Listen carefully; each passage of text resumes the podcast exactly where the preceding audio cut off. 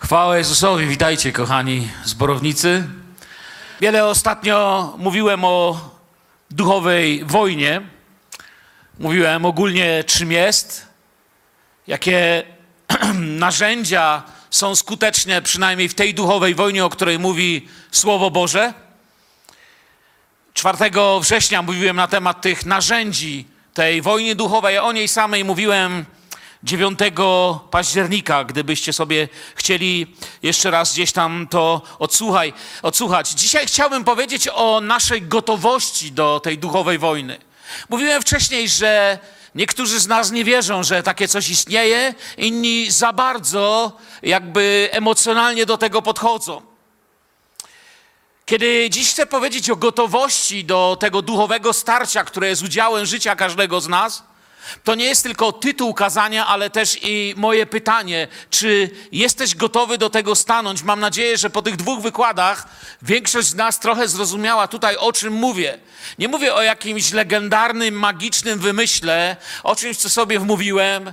Znacie mnie też nie od dzisiaj i wiecie, że nie jest tak, że gdzieś pod każdym krzesłem, każdym meblem, w każdej ciemnej dziurze widzę diabła i próbuję go za ogon stamtąd wytargać. Też tak nie jest nie słyszę żadnych głosów, nie rozmawiam z diabłem, ale ogólnie to, co chcę powiedzieć, to nawet nie na wrogu chcę się dzisiaj skupić, mówiąc o duchowej wojnie, bo to jest coś dużo szerszego niż nawet mówienie tylko o przeciwniku, który został pokonany przez Jezusa i przez krzyż Golgoty. Amen. Ale chcę się skupić na nas, którzy musimy tutaj na tym świecie, w tym no powiedzmy sobie, wrogim dla duchowej czystości, świętości, dla naśladowania Jezusa środowisku musimy tutaj działać. I jeśli wiemy, jak walczyć i mamy czym, to wygramy.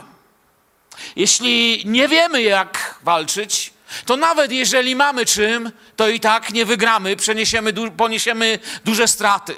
Dlatego, że to, co jest najważniejsze, co myślę przez wszystkie te dotychczasowe wykłady i nie tylko te, co chcę w nas położyć, jeśli chodzi o modlitwę, o duchowe zmaganie, o duchową wojnę, to jest to, co mówi nam ta prawda z drugiego Yy, przepraszam, nie tylko z tego miejsca, z kilku miejsc o, o, o, o duchowej wojnie, że nie walczymy z krwią i z ciałem, amen?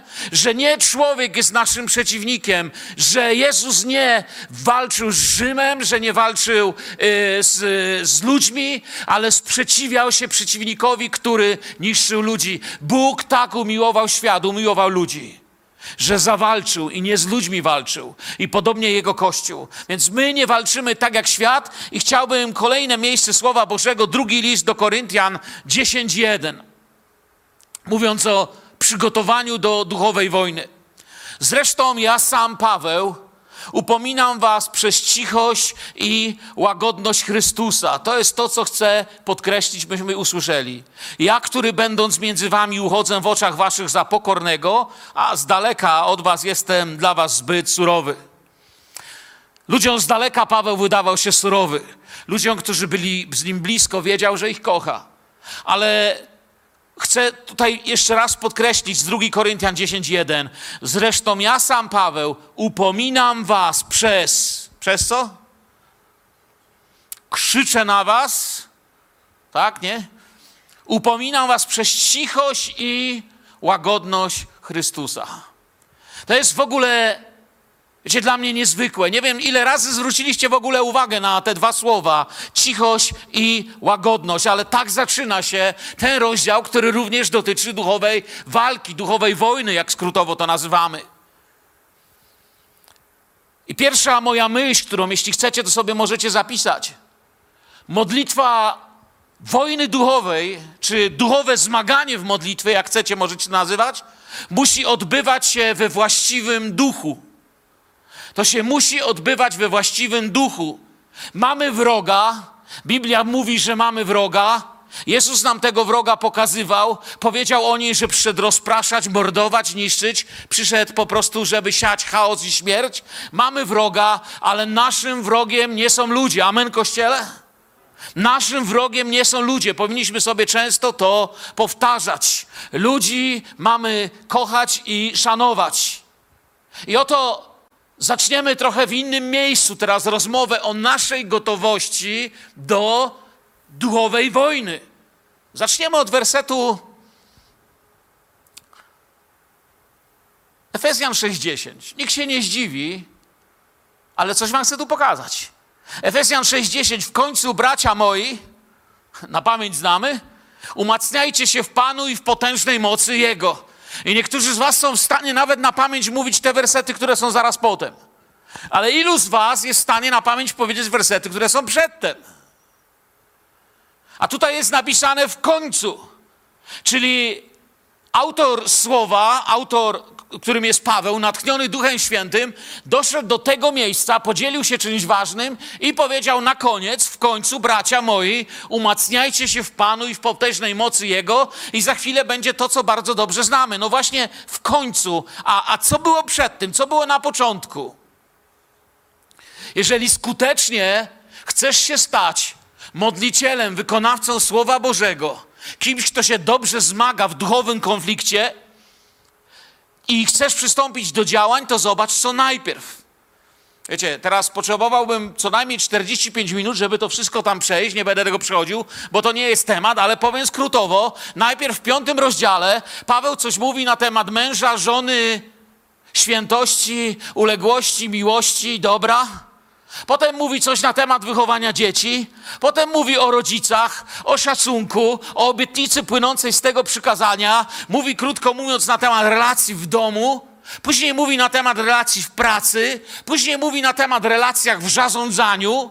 Mówi o panach, mówi o niewolnikach, mówi o naszym, naszej postawie. I jeśli przez to przejdziemy w modlitwie, i jesteśmy teraz we właściwym miejscu. Jestem takim mężem, takim ojcem, takim pracownikiem, jak chce Pan, albo staram się być takim, jak chce Pan i buduję siebie, to teraz mogę mówić o dalszej modlitwie i o zmaganiu. Jeśli jestem byle jakim mężem, byle jakim ojcem, byle jaką żoną, byle jakim pracodawcą, czy byle jakim pracownikiem, to te wcześniejsze wersety mówią, gdzie jest mój problem. Jestem w innym miejscu.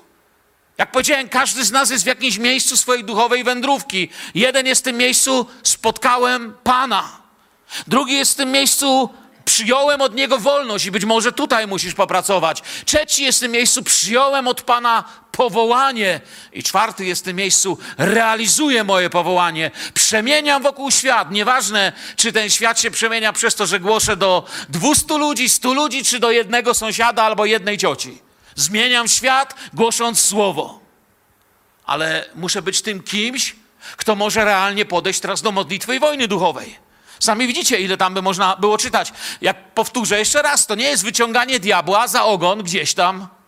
To nie krzyki, to nie są jakieś krzyki, wrzaski, rozkazywanie komuś bez końca. To najpierw jest decyzja, wojna duchowa. Jeżeli chcesz przystąpić do takiej modlitwy, która rzeczywiście nie będzie pustosłowiem, nie będzie się odbijała od sufitu, wojna duchowa wymaga najpierw decyzji o byciu uczniem i wolności w Chrystusie, żebyś mógł walczyć. Jezus powiedział, ślepy ślepego gdzie zaprowadzi? No do rowu nigdzie nie zaprowadzi. Podobnie, jeżeli razem będziemy skuci tymi samymi łańcuchami. Na tym świecie wszystko działa inaczej. Na tym świecie działa to przez gniewne, krytycznie słowa, przepychanki, podawanie się do sądów, nasyłanie na siebie zbirów, wywoływanie wojen, bójki, przekleństwa, robienie sobie różnego rodzaju zła. My na drogi tego świata nie wchodzimy. Ja chcę wejść na drogę walki, ale jako uczeń Jezusa. Paweł rozpoczyna od cichości, od pokory, od takiego wyciszenia przed Panem. Dla, dla świata to nawet nie wygląda jak walka. W kościele też niektórzy uwierzyli, że nie tak wygląda walka, że walka wygląda, że trzeba uderzyć pięścią w stół. A Paweł mówi o cichości, o pokorze, o wyciszeniu się przed Panem. Boża droga prowadzi w cichości i łagodności według apostoła. W ten sposób wchodzi do swojej służby napominania, działania, modlitwy. W telewizji pokazują nam polityków, którzy mówią dziwne rzeczy. Jednej i drugiej strony. Jedna i druga strona robi marsze, parady, y, demonstracje przeciw i za wolnościami, aborcją, poparciem zła. Y, jedni coś mówią, ich za to nienawidzą, Boże, inni coś mówią, też ich za to nienawidzą. Jeśli chcesz być uczniem Jezusa, musisz być od tego wolny. Nie walczymy z ludźmi. Ja się nie zgadzam z niektórymi grzechami. Nie zgadzam się z małżeństwem dwóch mężczyzn ale ja do nich nie czuję nienawiści, nic do nich nie mam oprócz modlitwy i chciałbym im powiedzieć o Jezusie. Nie zgadzam się z wieloma rzeczami według Słowa Bożego, ale ja nie jestem wrogiem tych ludzi. Nie zgadzam się z tymi rzeczami, które mówią różni politycy, ale ja nie jestem ich wrogiem. Nie się nie muszą obawiać. Ja jestem tym, który się chce o nich modlić, chce się uczyć być uczniem Jezusa. Chcecie tego? Świat uwierzył, Ile nawet, wiecie, w chrześcijańskich kręgach jest tarcz politycznych, prawicy, lewicy, tego. To, to jest ślepa droga. To wszystko tu zostanie. To się nie wybiera tam. To, co się wybiera tam, to jest ten, który żyje w tobie. Duch Święty. To jest nasza decyzja, kogo chcę naśladować. Jeśli masz taki problem, że nienawidzisz ludzi, to Dzisiaj możesz posłuchać o duchowej wojnie, ale doradzam ci powrót gdzieś do początków. Wracaj w pokucie do Kościoła Chrystusa, ponieważ właśnie z niego wyszedłeś. Żyjąc w nienawiści, nie jesteś kimś, kto czeka na Pana. Nie jesteś kimś, w kim Pan Jezus może dokonywać działania i kogo może używać. Jesteś na drodze do kompromisu w naśladowaniu Jezusa. Jeśli wciągnęli cię znajomi w politykę, to nie jest nasza sprawa. Nasze królestwo nie jest z tego świata. Jestem tu pielgrzymem, jestem tu po to, aby mieszkańców tej planety błogosławić i w imieniu Jezusa pozyskać, bo i mnie Bóg tutaj znalazł. W śmietniku mnie znalazł. Wyciągnął, umył, wyprał, postawił i powiedział: Kocham cię. Amen. Walcząc metodami biblijnymi i Jezusowymi, wygrasz. Walcząc metodami niebiblijnymi, przegrasz i skorumpujesz się. I tu chcę powiedzieć pierwszą czy, czy drugą już taką ważną prawdę. Wtedy źle dobrałeś broń.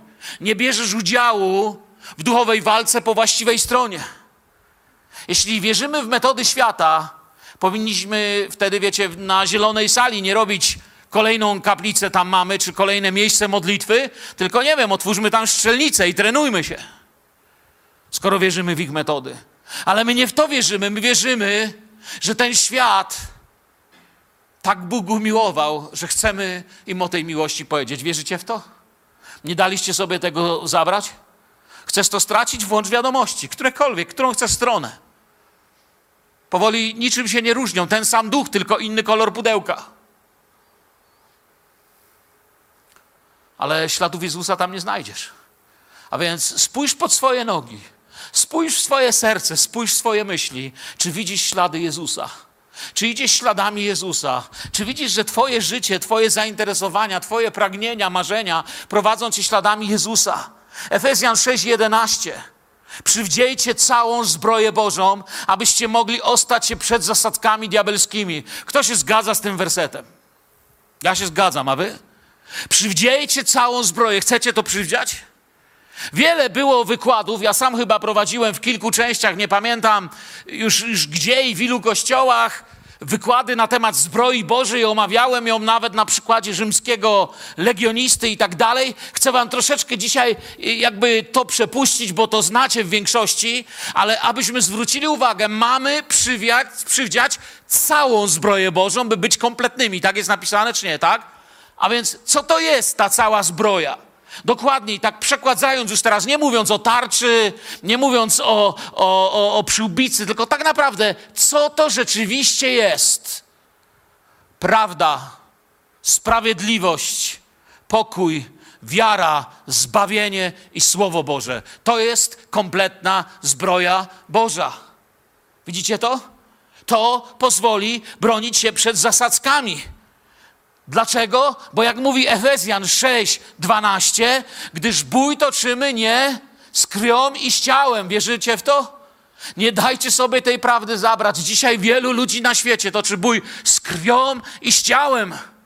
Stąd mamy wierzących, którzy wzajemnie się sądzą, oskarżają, kłamią i mówią: Wierzę w Jezusa. Diabeł też wierzy i drży. To jest diabelska wiara, która polega na tym, że ktoś opiera swoją wiarę na tym, ile razy przeczytał Biblię, ile razy chodzi do kościoła, a nie na tym, że jest naśladowcą Jezusa. Świat z tego nic nie ma. Gdyż bój toczymy nie z krwią i z ciałem, lecz z nadziemskimi władzami, ze zwierzchnościami, z władcami tego świata ciemności, ze złymi duchami w okręgach niebieskich. Dlatego, trzynasty werset, weźcie całą zbroję Bożą, abyście mogli stawić opór w dniu złym i dokonawszy wszystkiego, ostać się. O ile razy to czytaliśmy i ciągle nam potrzebne. Ciągle Ciągle musimy się uczyć. Oto cała ona, ta zbroja. Chcę to powtórzyć. Ją mamy wziąć, w niej walczyć. Prawda, sprawiedliwość, pokój, wiara, zbawienie, Słowo Boże. Czy, czy, czy widzicie to? Prawda, sprawiedliwość, pokój, wiara, zbawienie. Pięć z nich, pięć z nich wymaga ogromnej pokory i poddania się działaniu Ducha Świętego, żebyś mógł się w to ubrać. Cię nigdzie nie znalazłem, nie doczytałem, bo być może nie było takiej potrzeby, by historycy o tym mówili, ale rzymski żołnierz chyba potrafił sam się ubrać. Natomiast żołnierz średniowiecza nie potrafił sam się ubrać. Jeśli ktoś go nie ubrał i nie rozebrał, to sam w zbroję wejść i wyjść z niej nie potrafił. Rzymianie nie mieli chyba tego problemu. Tak mi się przynajmniej wydaje, ale myślę, że my również nie jesteśmy się sami w stanie ubrać w te pięć rzeczy. Pięć rzeczy wymagających pokory, stania przed Panem, spotkania Boga, doświadczenia wolności w Bogu, doświadczenia powołany, prawda, sprawiedliwość. Chyba nie muszę omawiać każdego z nich. Pokój, wiara, zbawienie. I tylko szósta, Słowo Boże, to jest ofensywny element, który atakuje. Reszta to bardzo to to elementy wymagające wielkiej pokory, poddania się Bogu. Nie, to nie ludzie są naszym wrogiem. Przestań nienawidzić ludzi. Jeśli siedzisz tu dzisiaj i myślisz, że to wina twojego sąsiada, bo jest złośliwy. Nie wiem, czy słyszeliście, jak facet próbował być delikatny i mówi do sąsiada, panie, pies szczekał całą noc, normalnie aż mi go żal. A sąsiad mówi, pan to nic, odeśpi w dzień. Wredny facet. I my myślimy, on i zaczynamy jego nienawidzić, albo coś innego, jakiś inny człowiek. Przestań nienawidzieć ludzi. Modlitwa, po drugie, jeśli chcesz, to sobie zapisz. Modlitwa wojny duchowej, modlitwa duchi, duchowego zmagania musi być we właściwym duchu. Musisz być jedno z Duchem Świętym. Bóg, który miłuje ludzi, nie będzie brał z tobą udziału w nienawiści do ludzi. Bóg miłuje grzesznika. I Bóg chce, aby grzesznik usłyszał. Oczywiście, jak się nie nawróci, wiecie, czasami ludzie usprawiedliwiają nam i mówią: Bóg miłuje grzesznika, a nienawidzi grzechu. Ja wiem, że nie grzech, tylko grzesznik będzie w piekle. On musi to usłyszeć, ale nasze zadanie to nie nienawiść. Modlitwa wojny duchowej musi być we właściwym duchu. To ludzie zostali nam powierzeni, by się o nich modlić, by ich kochać, idąc śladami Jezusa. Musimy być właściwego ducha odkrywam, że Boży charakter w nas wykona większą duchową pracę niż krzyki i ogłaszanie nie wiadomo jakich zwycięstw w zaniedbanym i nieposłusznym Jezusowi życiu. Możesz się wtedy drzeć na diabła ile chcesz. Możesz mu rozkazywać i cytować. Ale nie dokona się cud, którego pragniesz. Mamy modlić się gotowi do tego. Naszym wrogiem nie są ludzie. I podchodzimy do tego w szczególny sposób, jeżeli będziemy studiować cały ten list. Myślę, że nasze życie modlitewne powinno się skupić nie tylko na ewangelizacji, ale na zachowaniu też tego, kim naprawdę jesteśmy, naszych autorytetów, naszej uległości, naszej pokory, okazywania miłości. Powinniśmy się modlić o naszych rodziców. Jeśli oczywiście Twoi rodzice jeszcze żyją, to módl się o nich. Nieraz jeździłem do mojej mamy w gości. Czasami ktoś tam gdzieś na marginesie powiedział, widać, często do tej mamusi przyjeżdżasz. Pamiętam, jak odpowiedziałem wtedy, przyjdzie dzień, że nie będę mógł do mamy przyjechać. I już nie mogę, bo jej nie ma. Nasi rodzice. Ale dopóki żyła, chcę wam powiedzieć, byłem jej bardzo, by, byłem po prostu pod jej autorytetem. Poddawałem się pod jej y, każdą uwagę, pod jej pragnienia. Kiedy widziałem, że czegoś potrzebuje, byłem gotowy zrobić wszystko, żeby to zaspokoić. Modliłem się o nią, starałem się okazać jej najwięcej miłości, miałem, bo wiem, że tego mnie uczy Słowo Boże. Po drugie, chcę się modlić o swoją rodzinę. Powinniśmy się modlić o swoją rodzinę. Miej w modlitwie swoją rodzinę, jeśli chcesz być skuteczny w Słowie Bożym. Codziennie po imieniu modlę się o moją rodzinę. Modlę się o Gośkę, znaczy o moją Małgośkę, ja mówię Gośka Małgośka, na nią by mi się wyrwało. O moją Gośkę się modlę, kochaną, o moje dzieci.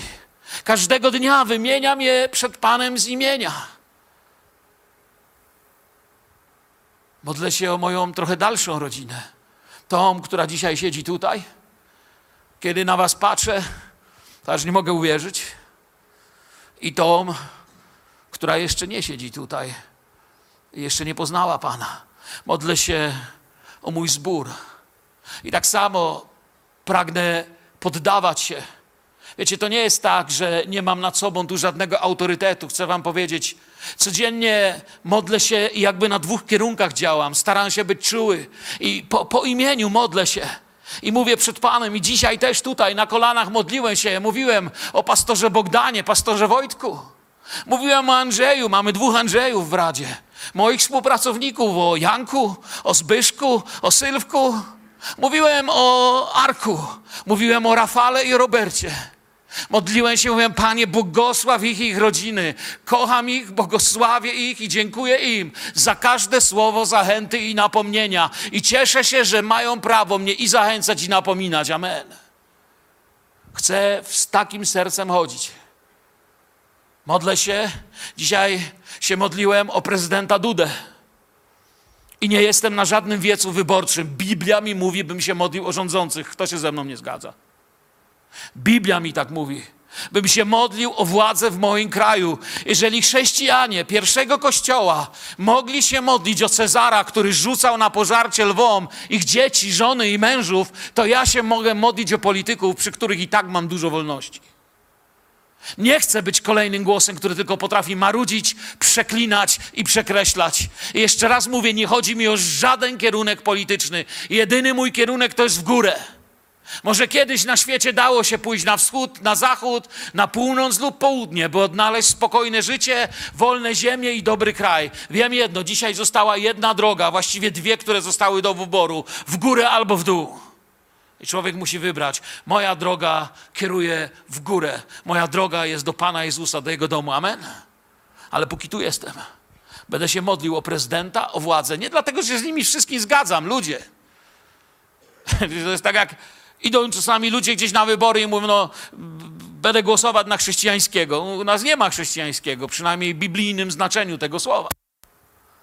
Są pobożni może jacyś ludzie, ale ja się modlę o coś innego. Modlę się o to, aby Bóg działał w ich życiu, aby Bóg ich prowadził, dawał im mądrość i Słowo Boże daje mi do tego prawo.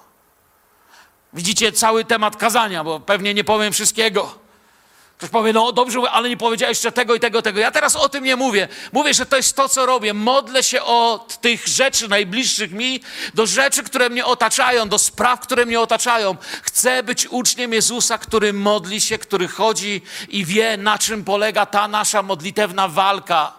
Jak to będzie otoczone moją modlitwą, zmieniać się będzie mój kraj, mój dom, moje serce, wszystko. Jak o nich się będę modlił, przestanę też narzekać. Większość narzekania wypływa z tego, że się o kogoś nie modlimy. Jest strasznie trudno się modlić o kogoś, na kogo ciągle narzekasz i na odwrót. Jeszcze trudniej na kogoś narzekać, o kogo się ciągle modlisz. Zrób sobie doświadczenie. Módl się z całego serca o jakiegoś polityka, wybierz tego najgorszego, który sprawia, że masz ochotę wyrzucić telewizor, jak go pokazują. To właśnie o niego zacznij modlić. I zobaczysz, że po tygodniu, jak go pokażą, to zobaczysz głębiej niż to, co widać. Zobaczysz coś więcej niż garnitur. Zobaczysz głębiej, zobaczysz człowieka. 2 Koryntian 10:3. Bo chociaż żyjemy w ciele, nie walczymy cielesnymi środkami. To jest wszystko to, co chciałem powiedzieć. Kolejna myśl moja: staczaj swój bój właściwą bronią.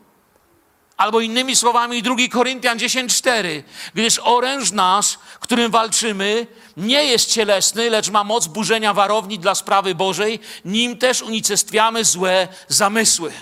To jest to, czym walczymy. Nie, nie używamy procy, strzały, karabinu. Jak powiedziałem, nie mamy w kościele strzelnicy, tylko mamy nabożeństwa modlitewne. Właściwie przygotowana broń na wroga jest skuteczna i nie tylko ją mamy, ale możemy ją dobrze użyć. Jesteś uzbrojony duchowo po zęby i diabeł o tym wie. Powiesz, ale nie mam ani pistoletu przy sobie, nawet scyzoryka nie mam, nawet agrawki. Jak ja jestem uzbrojony? Jesteś. Chcę ci powiedzieć, że jeżeli chodzisz dzisiaj w Chrystusie wierzysz w Słowo, które dzisiaj wierzę, że w ten dzień Bóg przygotował ten grunt naszych serc, aby mogło w nas przynieść owoc, to chcę ci powiedzieć o, o uzbrojeniu, które masz przy sobie. Po pierwsze, twoja pierwsza broń to jest Słowo Boże. Amen? I to Słowo Boże nie, które masz w biblioteczce na ozdobę. Albo nie, które gdzieś tam masz schowane. Oczywiście to nawet nie jest wtedy, jeśli masz je w kieszeni. Słowo Boże, które nosisz w sobie przez to, że w nim trwasz. Że czytasz to, co masz. Nie w szafie, w biblioteczce. Wiecie, może na religijnych ludziach robi wrażenie Biblia w każdym domu. O, jak ładnie. Ale Biblia w każdym domu nie zmieni tego kraju ani mojego życia. Biblia w każdym sercu zmieni nasz Kościół i zacznie zmieniać tych, którzy się z nami stykają. Świat zmienia Biblia, zmienia Słowo Boże, ale nie przez to, że jest drukowane i trzymane w półkach. Dobrze, że możemy mieć je na półce, że możemy mieć ile chcemy i dobrze, że jest drukowane. Ale to, co przez nie zmienia świat, to jest, kiedy jest czytane i praktykowane. Amen.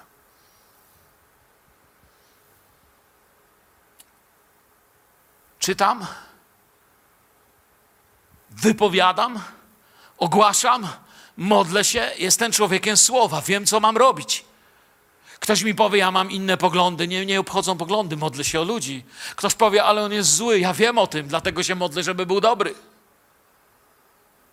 Robienie komuś krzywdy i mówienie o nim źle, dlatego że jest zły, jeszcze nikogo nie zmieniło na dobre.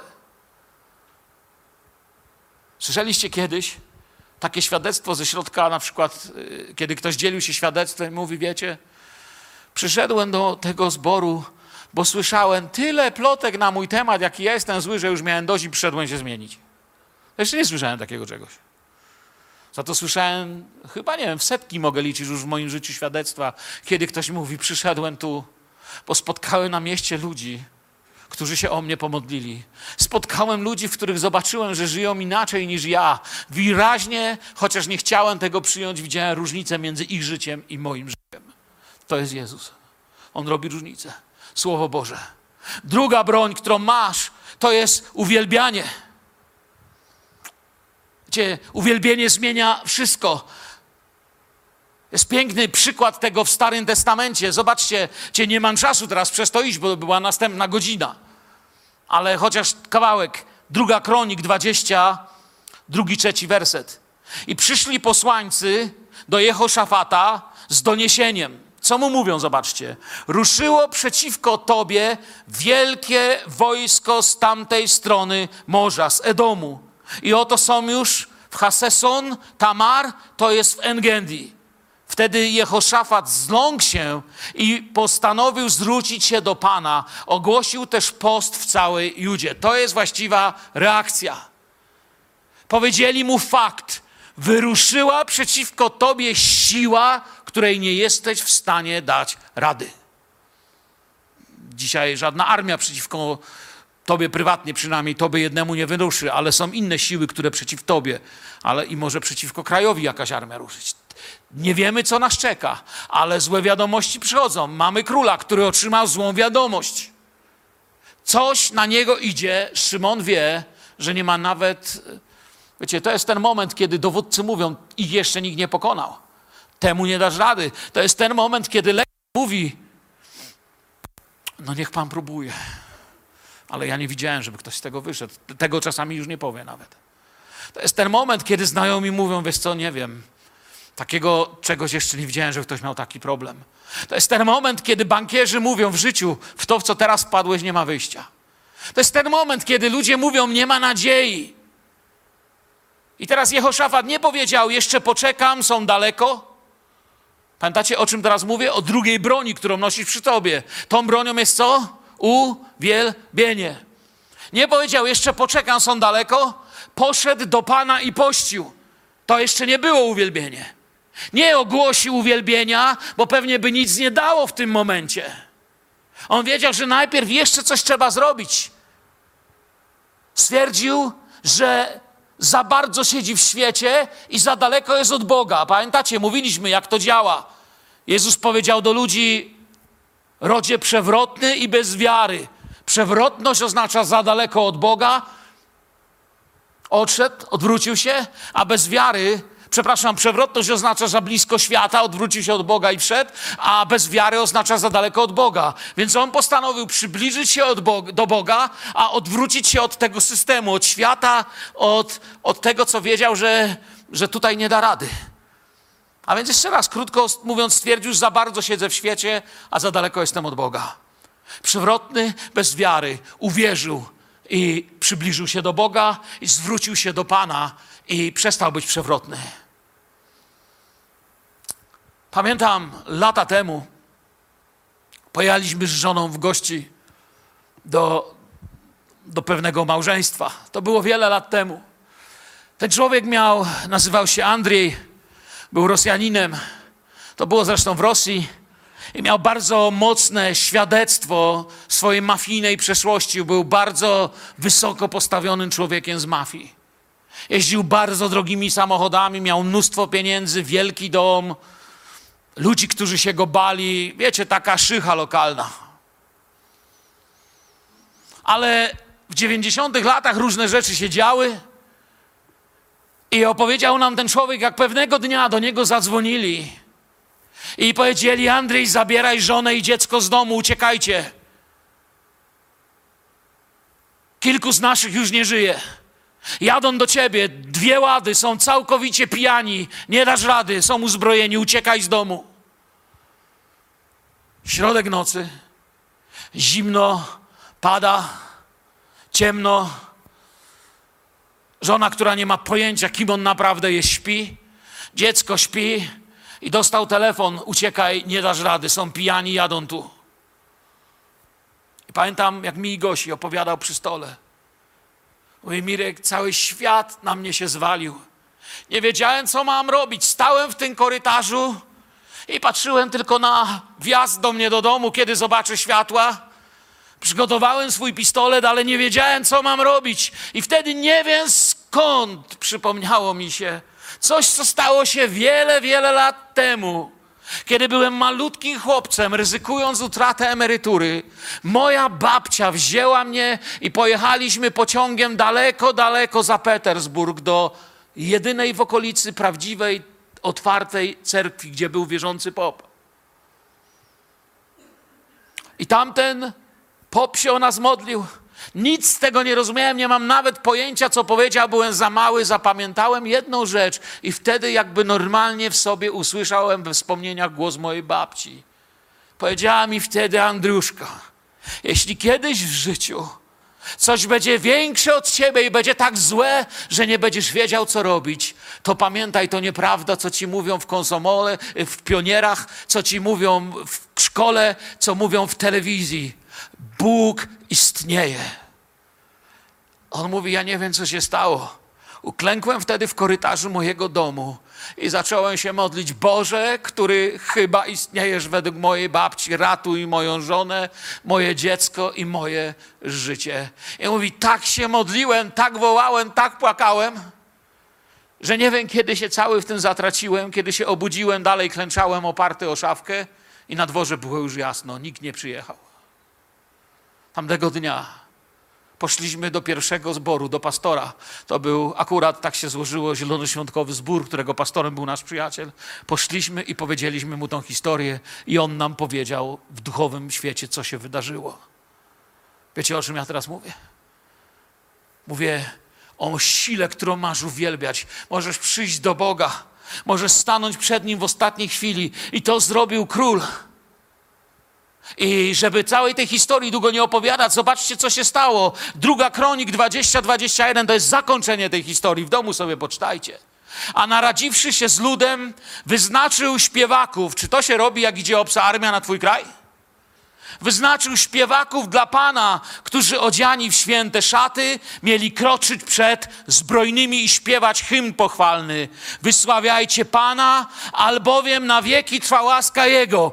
Bum, bum, bum i wroga nie było. A oni jeszcze nie zdążyli się ruszyć, bo byli zajęci uwielbieniem. Bóg im pokazał, że ta bitwa to nie było to, co widzą, ale było to, co Bóg widział i postawił ich w właściwym miejscu. Pan Cię postawi dla Twojej rodziny, dla Twoich dzieci, dla tych, których kochasz, dla tego zboru, dla tego miasta we właściwym miejscu, ale używaj uzbrojenia, które masz. Pan zastawił na wroga pułapkę. Uratowali miasta, wioski, dzieci starców. W tamtym czasie, jeśli miasto przegrało, najczęściej mordowano mężczyzn, którzy byli zdolni do walki, albo ich sprzedawano jako gladiatorów, innych sprzedawano jako niewolników, kobiety sprzedawano, rozdzielano z małymi dziećmi, dzieci sprzedawano gdzie indziej. Ludzie szli całymi kolumnami w kajdanach, ładowali ich na okręty, albo prowadzili do swoich miast albo wymordowali wszystkich, w zależności od czy miasto było wydane armii, czy miało być zniewolone, czy podbite i tak dalej. W każdym razie uratowali. I wypełniło się na nich słowo, które potrzebujesz dzisiaj, wracając do domu, wyznawać w Twoim życiu i zacząć stosować w duchowej rzeczywistości. Psalm 149, werset 6. Niech w ustach ich będzie uwielbienie, a miecz obosieczny w ich ręku. Panie, w moim sercu będę śpiewał Ci pieśń chwały, a mój dom urządzę według Twojego słowa. W czystości serca, pisze psalmista, Jahwe stąpał będę po moim domu. Znienawidzę złoczyńcę, aby nic, co złego jest w nim, nie dokleiło się do mnie. W innym psalmie król Dawid modli się. Trzecia broń to jest imię Jezusa. Wow, to jest dobra broń, amen. Filipian 2:9. Dlatego to już Bóg wielce go wywyższył i obdarzył go imieniem, które jest ponad wszelkie imię.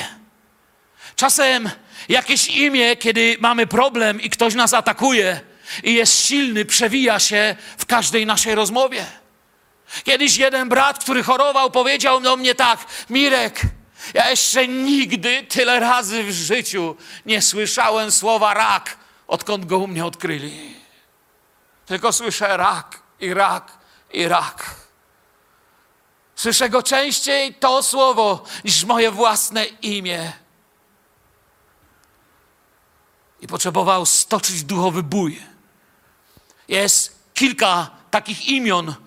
Uznano je za wielkie. To są większe imiona niż wszystko, co się światu wyobraża. Jednym z nich jest właśnie rak, innym jest kryzys. Choroby różne, różne to są imiona, nie chcę ich teraz wymieniać. Chcę Wam powiedzieć o tym jednym imieniu, które na 100% jest większe niż każde złe imię na tym świecie. Imię Jezusa. Co Wy na to, kościele, ludzie? Powinniśmy Go uwielbiać.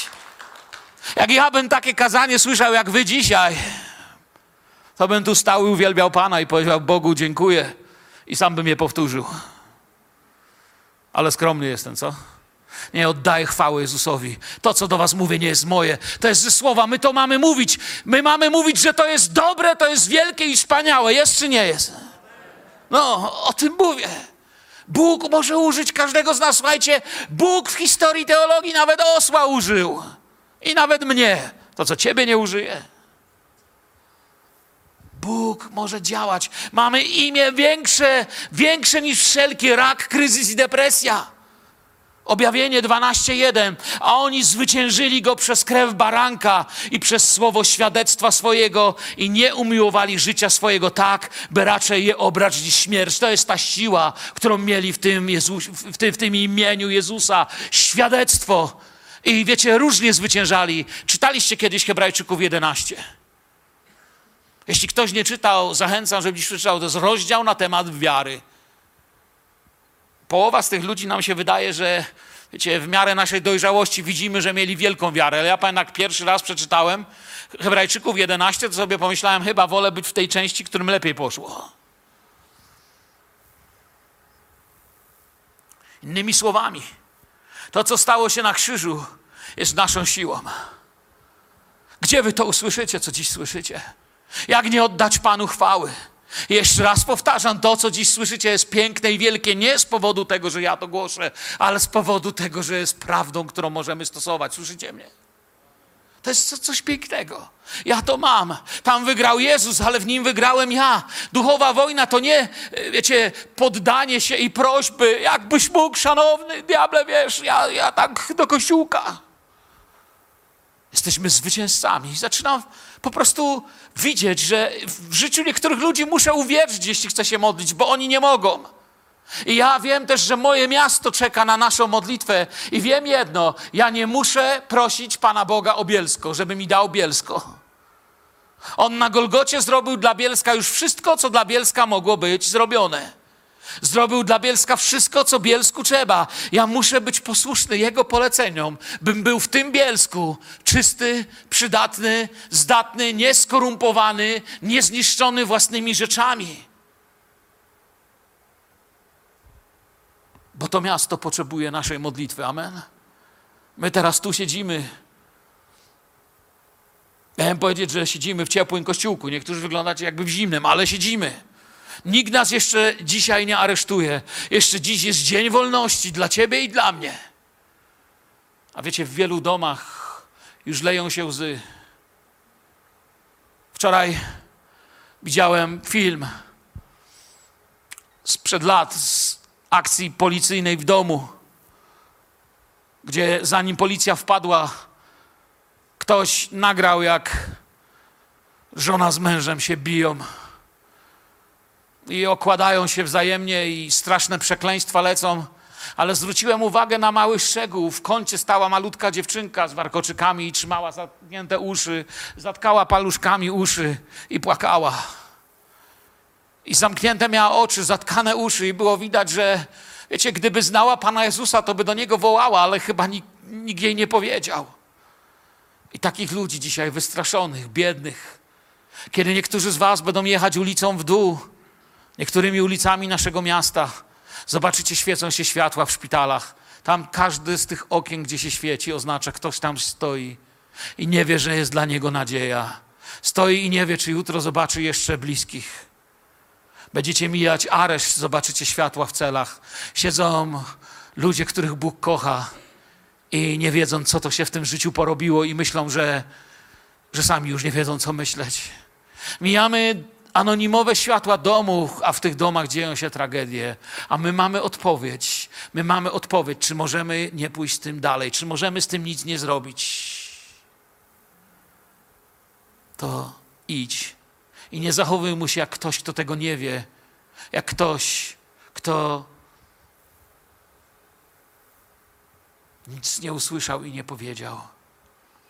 A więc modlący się rozumie, pojmuje, czym jest prawdziwa bitwa. 2 Koryntian 10:4, gdyż oręż nasz, oręż nasz, którym walczymy, nie jest cielesny, lecz ma moc burzenia warowni dla sprawy Bożej. Nim też unicestwiamy złe zamysły. Amen.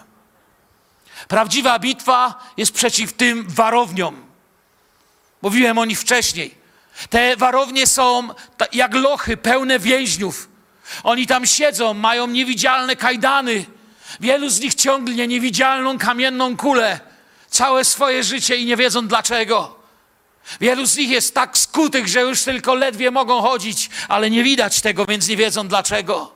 Myślę, że gdyby Bóg taki cud nam dał, że przez kilka minut dziennie, przez jeden dzień, kilka minut zobaczylibyśmy ukryte diabelskie kajdany nałożone na to miasto, to byśmy przerażeni tu przybiegli i zażądalibyśmy, żeby post i modlitwa i taka środa była częściej. Nie dlatego, że nam łatwo. Mi wcale nie jest łatwo, wiecie, w tym trwać. W tych warowniach lochy są pełne więźniów.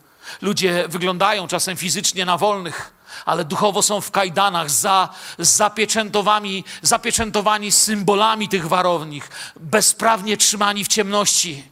Jezusa oskarżano pewnego razu, chcę wam tu pokazać, w pewnym momencie Jezus nam odsłonił kawałek tego, tej duchowej bitwy, tego duchowego świata. Mówię, ludzie są w kajdanach, w lochach. Pamiętacie, to powiedziałem, tak? Skuci łańcuchami, uwięzieni przez zło. Jezus nam coś zesłonił, chociaż kontekst rozmowy był inny. Jezusa oskarżano, że współpracuje, że mocą Belzebuba wybędza demony, pamiętacie? I tak dalej. Ale Jezus coś nam zaczął wyjaśniać, co nie tylko w tym wypadku jest odpowiedzią, że nie miał nic wspólnego z Belzebubem, ale pokazuje nam pewien duchowy układ, którego nasze oczy nie widzą, ale Jezus to widział. Łukasz 11, 20, 22. Jeżeli natomiast ja palcem Bożym wypędzam demony, zaiste przyszło już do was Królestwo Boże. Gdy zbrojny mocarz, i zobaczcie, Zeczus zaczyna nam coś pokazywać, gdy zbrojny mocarz szczerze swojego zamku, bezpieczne jest mienie jego. On siedzi pewny siebie, nikt mu się nie postawi. Ale jest ktoś, kto jest silniejszy niż on. Lecz gdy mocniejszy od niego najdzie go i zwycięży, zabiera mu zbroję jego, na której polegał, i rozdaje jego łupy. Ja wiem, że mam uzbrojenie, mam wszystko, co trzeba. Tyle tylko, że to nie polega na tym, jak ja bym sobie to wyobrażał. To nie polega na tym, co ja będę wrzeszczał, to nie polega na tym, na ile będę agresywny, to nie polega na tym, jak się uzbroję. Polega na tym, że w pokorze i łagodności przygotuję się dla Ducha Świętego i będę miał zdolność modlitwy i zdobywania i walenia, bo Jezus zwyciężył. Amen. To jest prawdziwa bitwa. Ludzie są wypuszczani na wolność. I wiele razy widziałem, ludzi się puszcza na wolność i Jezus dalej nam coś odsłania a potem tą wolność za, zaniedbują i nie wiedzą, co naprawdę się stało. Myślą, że przez chwilę udało się być kimś fajnym. Wiecie, czasami człowiek się nawróci i myśli sobie tak, no nawróciłem się, przez chwilę jestem kimś fajnym. Ja tak myślałem, dwa dni po nawróceniu sobie myślę tak, jak w dzień, kiedy się nawróciłem, to mi pół słownika zniknęło. Więc nikogo nie było, nie? Sobie myślę tak, nie kle, nie pije, nie pali, no normalnie święty jestem. Co jeszcze może być? Jak? No co jeszcze? No przecież to już wszystko. Tak? I człowiek myśli, że jest teraz taki fajny gość, ale nie wie, że musi wejść na drogę uczniostwa, że to tak, to tak nie jest. Że musisz się trzymać teraz Jezusa. Jezus dalej uczy. Musisz być blisko mnie. Wziąłem cię, wyrwałem cię z tego świata. Teraz musicie chodzić w mojej wolności. Musicie chodzić w mojej obecności. Musicie pilnować moich śladów. Jak mówi to stare żydowskie błogosławieństwo, niech pył spod sandałów twego rabina spocznie na twej szacie. Blisko mnie chodźcie. A wiecie dlaczego? Bo kto nie jest ze mną, Łukasz 11, 23, dalej, kto nie jest ze mną, jest przeciwko mnie. A kto nie gromadzi ze mną, rozprasza. Nie możesz se teraz gdzieś pofrunąć. Znaczy, możesz, ale nie chcesz. Gdy duch nieczysty wyjdzie z człowieka, co robi? Wędruje po miejscach bezwodnych, szukając ukojenia. Jezus nam to opowiada, bo my tych rzeczy nie widzimy. On widzi, mówi, coś wam powiem. Wędruje po miejscach bezwodnych, szukając ukojenia, a gdy nie znajdzie, mówi: Wrócę do domu swego, skąd wyszedłem. I przyszedłszy, zastaje go wymiecionym i przyozdobionym. Nie palę, nie piję, chodzę do kościoła. I tak mi dobrze, że dziś sobie nie pójdę. Dzisiaj, dzisiaj idziemy na pizzę. Zaczynam zapominać coś. Nie zrozumcie, pizza nie jest zła, lubię pizzę. Ktoś nie powiedział, przeciwko pizzy dziś było. Nie ale lekceważymy sobie. A on wraca i sprawdzi. Wówczas idzie i zabiera ze sobą siedem innych duchów, gorszych niż on, i wchodzą i mieszkają tam, i bywa końcowy stan człowieka, jego, człowieka tego gorszy niż pierwotny. Z człowiekiem zaczynają się dziać dziwne rzeczy, gorsze niż jegokolwiek i niż kiedykolwiek. Jeśli ktoś widział, jak upada po latach trzeźwości alkoholu, wie o czym ja mówię.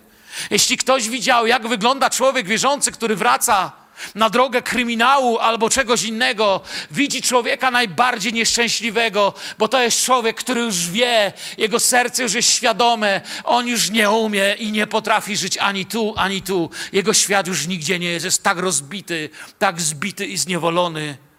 Następuje kontratak. Jakiś czas był spokój. Czasem ktoś uwierzył w tym czasie, że, że cała przygoda z Bogiem to chodzenie w niedzielę na nabożeństwa i rzucenie palenia. Wróg wraca i sprawdza. Okazuje się, że nie jesteś uzbrojony. Nie trwasz w słowie. W słowie nie trwasz. Nie trwasz w uwielbieniu. Zapomniałeś Twojego Jezusa. Nie dawajmy diabłu przystępu. On szuka jak lew, kogo zjeść, którędy wejść. Wiecie, co to jest przystęp, nie? Uchylisz drzwi i buta chce wsadzić w Twoje drzwi. On powiedzieć, e, moment, moment, moment, ja, ja, ja tu kiedyś byłem, ja tu kiedyś mieszkałem.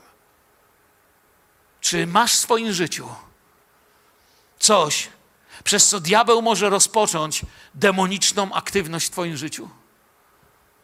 Jeżeli masz, to dajesz mu przystęp. Ten przystęp to jest to samo, jakbyś mu schodek na płaskiej ścianie zrobił uchwyt, żeby nie spadł. Nie ma, bo, bo w Jezusie nie znalazł nic. Jeżeli jesteś w Jezusie, to On podchodzi, ale nie ma, nie ma się gdzie chwycić. Musisz wyjść poza Jezusa. Czyli trwając w Jezusie, w uwielbieniu i w słowie, wróg chodzi, ale nie ma na ciebie haka. Musi się znaleźć hak na ciebie. Jeżeli żyjesz dziś w grzechu, wyznaj ten grzech i wyrzuć go na światło, zanim ten grzech rzuci cię na światło w najbardziej niepasującym na to tobie momencie. Nie dawaj diabłu przystępu. Poddaj się Bogu, przeciwstaw się, ucieknie od ciebie. Mówiłem o tym wcześniej, nie chcę się powtarzać. Musimy zrozumieć, czym jest ta prawdziwa duchowa walka. Nie starczy powiedzieć chwała Bogu, chodźcie i będzie wszystko dobrze. We właściwym duchu, mówiłem, z właściwą bronią jesteś gotowy spotkać prawdziwego przeciwnika. I kończąc już, wojna duchowa skupia się na tym, co właściwe. W duchowej wojnie jesteśmy skupieni na tym, co jest rzeczywiste, co właściwe. I dalszy werset, piąty z Koryntian, werset z tego dziesiątego rozdziału, z którego zauważyliście, przeszliśmy te wersety.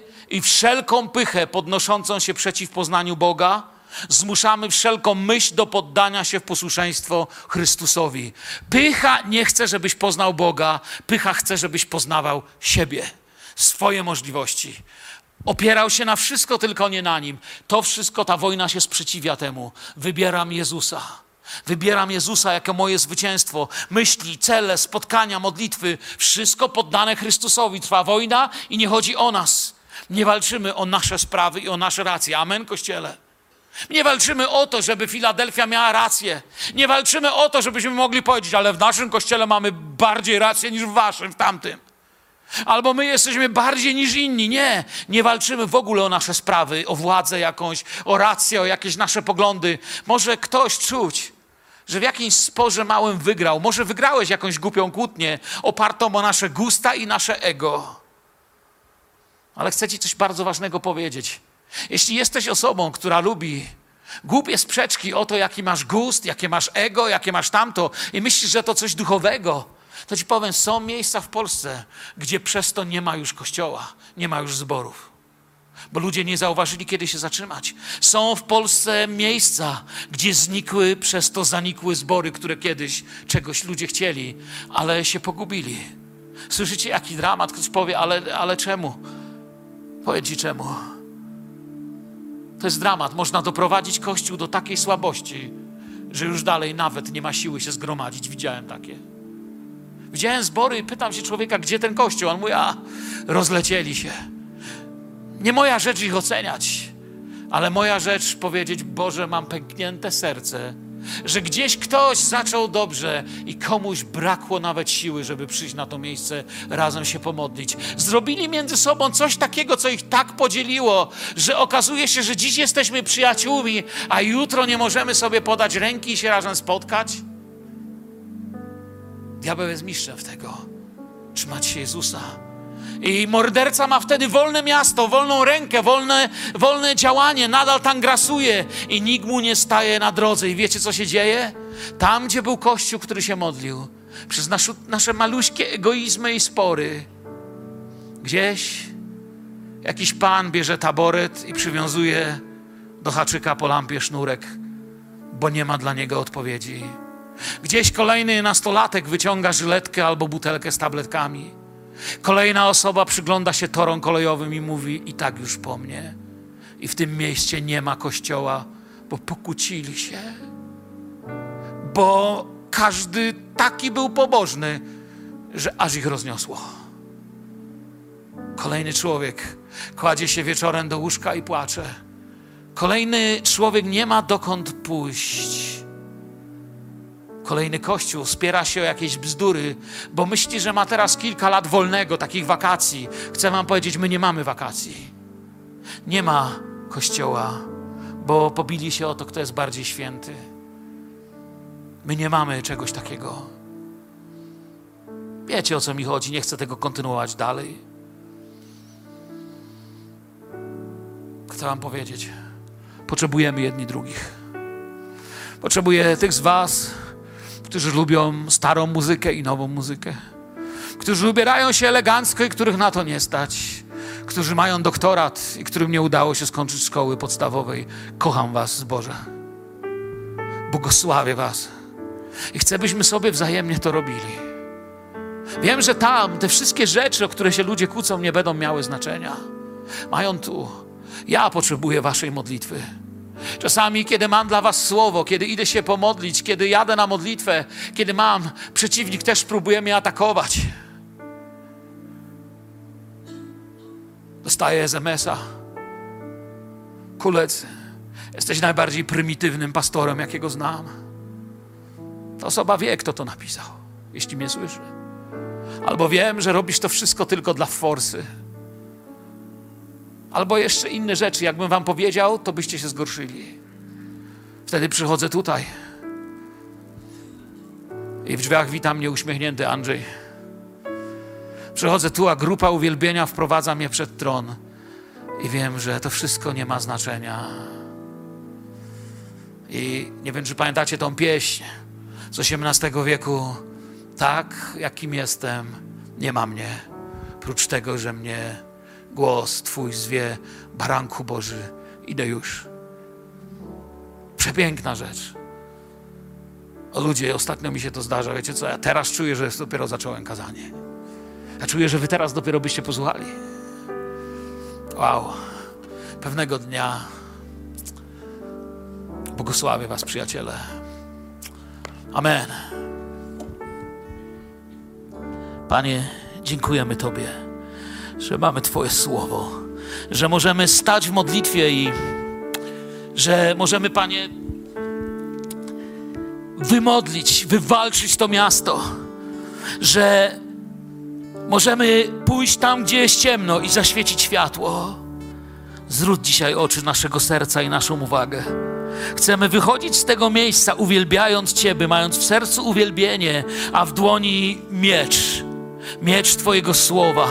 Ja wiem, że Twoje słowo ma rację. Ja wiem, że Twoje słowo przyniosło mi wolność. I wiem, że chcesz powołać w tym mieście sobie ludzi, którzy pójdą i po prostu zwyczajnie powiedzą o Tobie. I Panie, stoimy przed Tobą. Mów, Panie, oto jesteśmy. Oto jesteśmy, Panie. Wszystko chcę Tobie oddawać. Kochany Duchu Święty, mój kochany Boże, jeżeli widzisz w moim życiu coś, co chcesz z tego życia zabrać, bo widzisz, że mi to tylko przeszkadza, to proszę Cię, daj mi mądrość zobaczenia tego. Powiedz mi o tym. Jeżeli widzisz w życiu kogokolwiek na tej sali coś, co blokuje jego służbę i jego powołanie, to pokaż mu to dzisiaj. Chwała Jezusowi. Amen.